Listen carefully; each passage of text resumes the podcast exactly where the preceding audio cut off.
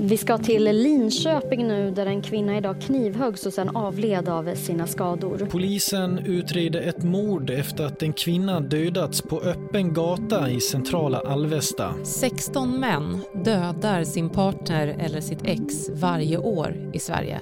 Den senaste månaden har fem kvinnor mördats. Och de misstänkta är män som kvinnorna i de flesta fall haft pågående eller tidigare relationer med. Vi vet precis vad som ska göras och nu är ju frågan varför görs inte det? På en kvart berättar vi om männen som dödar och myndighetsbristerna som gör att morden gång på gång kan ske. Där ligger jag i ett rum blåslagen och jag har ingen aning om vad händer nu.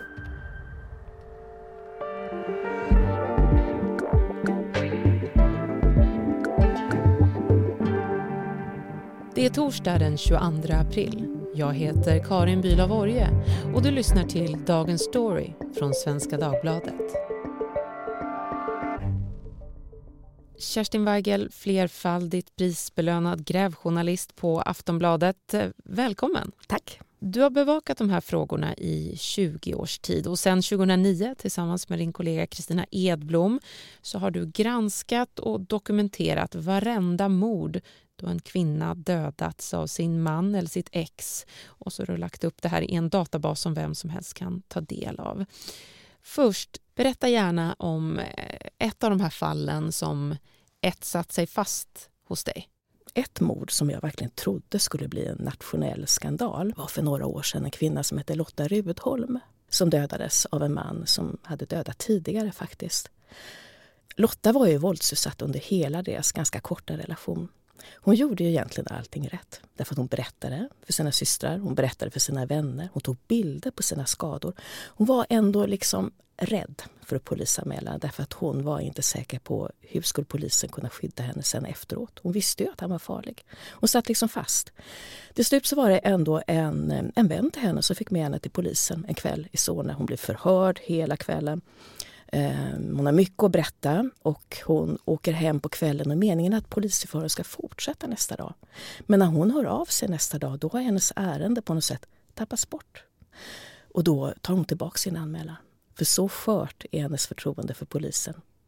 Nu försöker hon fixa sin egen säkerhet. Hon ringer för första gången då till en kvinnojour. Eh, kan jag få skydd här? Ehm, jag måste ha min hund med mig. Och, och då säger den här kvinnojourspersonen helt felaktigt att inte det går.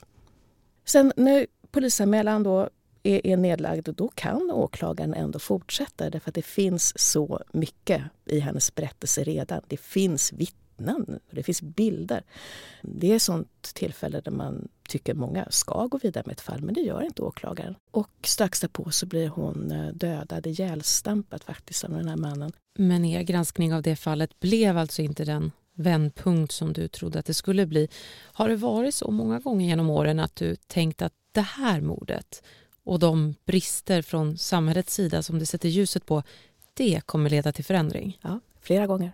Jag har inte riktigt sett det hända fullt ut, men så vet jag inte. Det kanske bygger någon slags engagemang ändå.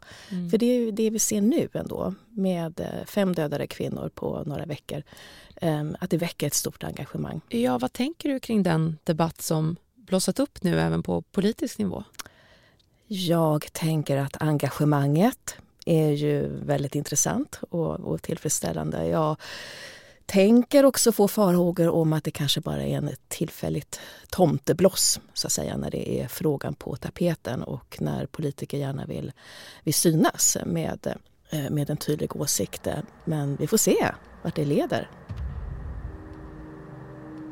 Mäns våld mot kvinnor har tagit stor plats på den politiska agendan den senaste veckan. Centerledaren Annie Lööf var först ut bland politikerna med att kräva krafttag. Vi måste gå från snack till handling. Det är ju vad de här kvinnorna behöver. De är ju livrädda för när nästa slag ska ske. Därefter kallade jämställdhetsminister Märta Stenevi till partiledarsamtal och statsminister Stefan Löfven lovade att regeringen ska bjuda in organisationer och myndigheter för samtal. Vi har ju fått de här löftena ganska många gånger. Vi vet precis vad som ska göras och nu är ju frågan varför görs inte det? Kvinnor ska inte behöva möta sin förövare och vara rädda.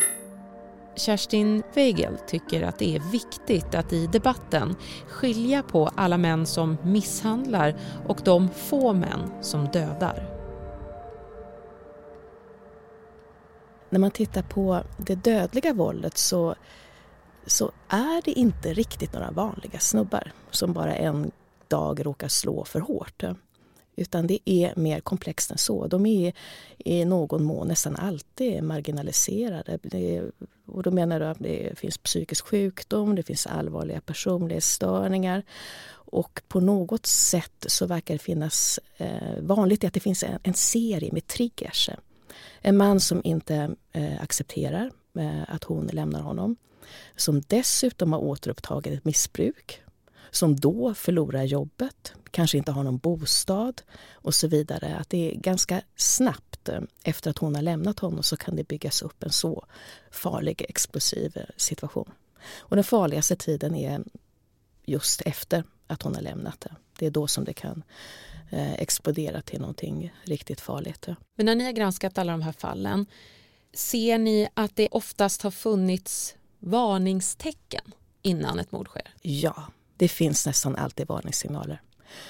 Och Det är det som är så fruktansvärt med de här morden, att det är så vanligt att en kvinna faktiskt uttryckligen har bett om hjälp. Ehm, och hon har på olika vis förstått själv att det här är jättefarligt. Men faktum är att de här varningssignalerna också till viss del har kommit från männen själva.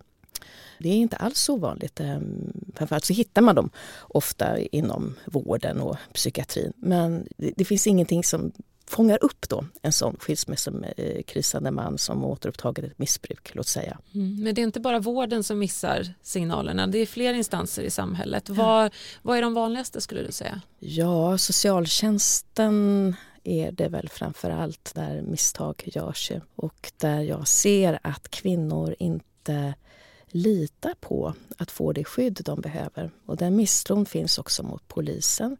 Och det är också en eh, vanlig anledning till att man blir kvar i en farlig relation därför att det känns lite säkrare att vara kvar därför att då har man åtminstone lite koll på hans beteende och kan mota hans utbrott och det finns den sortens säkerhetstänkande. Lika bra att vara kvar. Eh, för vem ska annars skydda mig? Eh, den tilliten finns inte. Det ingår ju också i den debatten som har blossat upp nu just det här med ja, men kriminalvårdens, socialtjänsten, sjukvården, polisen att kunskapen där inte är tillräckligt stor. Håller du med om det? Ja, det gör jag. Men jag eh, envisas med att ändå kalla mig optimist. Och jag tycker att det um, har, um, har förbättrats. Um, att polisen ser jag överlag försöker att arbeta lite mer metodiskt med de här fallen och framförallt ha specialutbildade utredare och så. Socionomer har äntligen sedan bara några år eh, fått in i utbildningen våld i nära relation. Eh, fotbojor har blivit enklare att använda. Allt det här är bättre. Det görs eh, utredningsarbete på Socialstyrelsen av de här brotten. Man anstränger sig för att försöka se då vilka myndighetsmisstag som kan finnas. Så på ett mycket långsamt och diffus sätt så går det väl ändå framåt. Ja, myndigheterna har blivit mer aktiva och kunskapsnivån har höjts. Men enligt den nya rapport från Statskontoret som utvärderat Sveriges nationella strategi för mäns våld mot kvinnor som sjösattes 2017 så är insatserna långt ifrån nog och det är det förebyggande arbetet som brister enligt utredarna. Samhället reagerar först när våldet och dödandet redan skett, inte innan. Du har ju intervjuat flera förövare. Vad har de sagt om, själva om motiv och, och skuld? Det har varit svåra intervjuer. Eh, därför att de inte är beredda att ta ansvar för brottet fullt ut. De säger ja, eh, det var jag som dödade henne. Men då mådde jag så dåligt. Men då hade jag fått en konstig medicin. Men varför kom ambulansen så sent? Man hade kunnat rädda henne och det vet man inte. Förstår du? Det finns alltid en invändningar. Jag har suttit på hur många mordrättegångar som helst. Och då när den här mannen ska förklara vad han har gjort så kan han berätta om allting som har hänt fram till det ögonblicket när han står med kniv. Kniv är det vanligaste mordvapnet. Och då säger han, ja då blir det plötsligt svart. Mm. Då blir det blankt. Och varför vet inte jag. Men det, det vanligaste är att det inte är riktigt så planerat. Och det är ju verkligen inte svåruppklarade brott därför att de, väldigt vanligt är att de ringer själva polisen och berättar vad de har gjort. Tillhör de något särskilt samhällsskikt av något slag? Nej, det gör de inte. Och när man jämför män som dödar sin partner eller expartner med män som begår andra mord så är ju de här männen då överlag lite högre socioekonomisk eh, standard som det heter. Alltså det är vanligare att de, har, att de har jobb och att de är ostraffade sedan tidigare och så. Och i hur stor utsträckning handlar det om hedersvåld? Det är väldigt sällan som hedersvåld skrivs in i domen. Och det där är en het potatis och, och, och väldigt rent juridiskt inte riktigt definierat i svensk lag. Vi har ju ingen sådan åtalspunkt som är hedersvåld men det händer att det, att det kommer in i domskälen. Eh, men eh, ovanligt.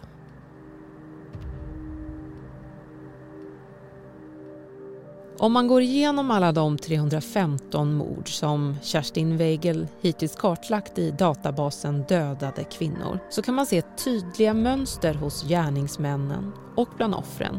Men också återkommande systemfel, brister hos myndigheterna som gjort att kvinnornas rop på hjälp inte hörsammats eller ens tagits på allvar. Ska du anmäla? Så fall får du göra det nu, här. Så men jag kan inte, jag, alltså jag var ju livrädd. Då blev det istället att de lämnade mig där, mitt i natten, blåslagen med brutna revben. Vi ska ha någon att kunna prata med dygnet runt om det så ska behövas. Så jag gick och anmälde allt, varenda litet hot. Jag lämnade in min telefon, de tankade av den, alla sms och samtal och så vidare. Men allting bara lades ner. Med tanke på de systemfel som ni ändå har kunnat se, brister som mer eller mindre möjliggjort de här morden.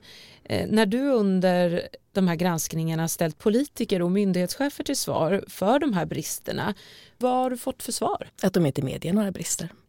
Och så komplext är det. Alltså det jag, jag har aldrig varit med om att en enskild eh, tjänsteman till exempel tar ansvar för ett felaktigt beslut som har medfört att en kvinna blir dödad. Vad tror du det beror på?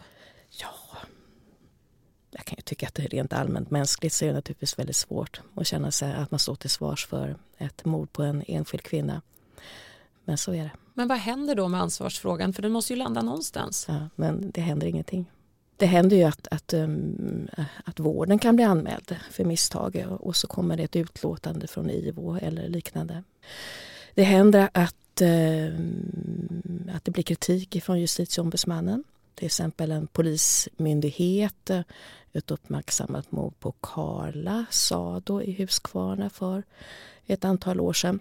Eh, hon ringde om att hennes barn satt hemma med eh, sin pappa och pappa hade framme en kniv och pappa hotade att döda både barnen och deras mamma. Då ringde hon till polisen som kom hem till henne och började förhöra henne och de åkte aldrig hem till barnen. De kollade inte situationen och följande morgon så gick barnen till skolan. Han gick direkt hem till Karlas bostad och dödade henne utanför hennes port. Och där blev det kritik ja. mot polisens agerande? Ja. Mm, men det är alltså inte vanligt? Nej. Vad skulle behövas från samhällets sida för att förebygga och skydda de här kvinnorna? Går det att lösa med politiska reformer och pengar eh, och lagstiftning som det talas om nu eller behövs det något annat? Skydd är ju det första. Jag menar, en, en kvinna som vet själv att hon lever i en livsfarlig relation måste kunna lita stenhårt på att hon får skydd. Det ser vi inte alltid. Vi ser inte alltid att eh, socialnämnden ens tycker att de har råd med ytterligare en, en våldsutsatt, rädd kvinna. Och sen är det ju kunskap. Att socialsekreterare, att vården börjar fråga efter våld, för det har suttit långt inne, man har inte velat det. Fråga, är du våldsutsatt? Det har funnits ett motstånd mot det som jag hoppas är på väg att försvinna. Nu efterlyser ju bland annat eh, Miljöpartiet större och mer långvariga resurser till kvinnojourerna. Hur viktiga är kvinnojourernas roll för att kunna hjälpa kvinnorna ut ur den här cykeln av våld eller, eller annan typ av kontroll? De är jätteviktiga. De är någon slags hörnsten. Och den här, de, att de inte får finansiering på lång sikt så att de kan planera sin, sin verksamhet, hur stort problem är det? Jag tycker att det är obegripligt. Det, det är ju helt absurt att inte de självklart ska kunna ha sin verksamhet gående utan att varje eller vartannat år ansöka om pengar. Mm. Men, men Nådepengar du... ibland. Ibland kommer det extra ins, eh, anslag och regeringen säger att nu är det 100 miljoner extra till och så. Men det är bara tillfälliga nådepengar. Du beskriver dig trots allt som optimist. Var ser du ljusningen i det här? I att vi står och pratar om det som en allvarlig samhällsfråga. Det är så stor skillnad och för drygt tio år sedan när jag började granska de här brotten så beskrevs de fortfarande i tidningarna som familjetragedier. Hela tiden. Det är privat och det ska vi inte hålla på och snaska i. Och jag tycker att det är annorlunda nu. Jag tycker att det finns en mycket större engagemang och en eh, känsla för att ja, det är samhällsproblem. Ja, här är det barn som far fruktansvärt illa. Och ja, här finns det systemfel som vi inte kan acceptera. Tack så mycket för att du var med i Dagens Story. Tack.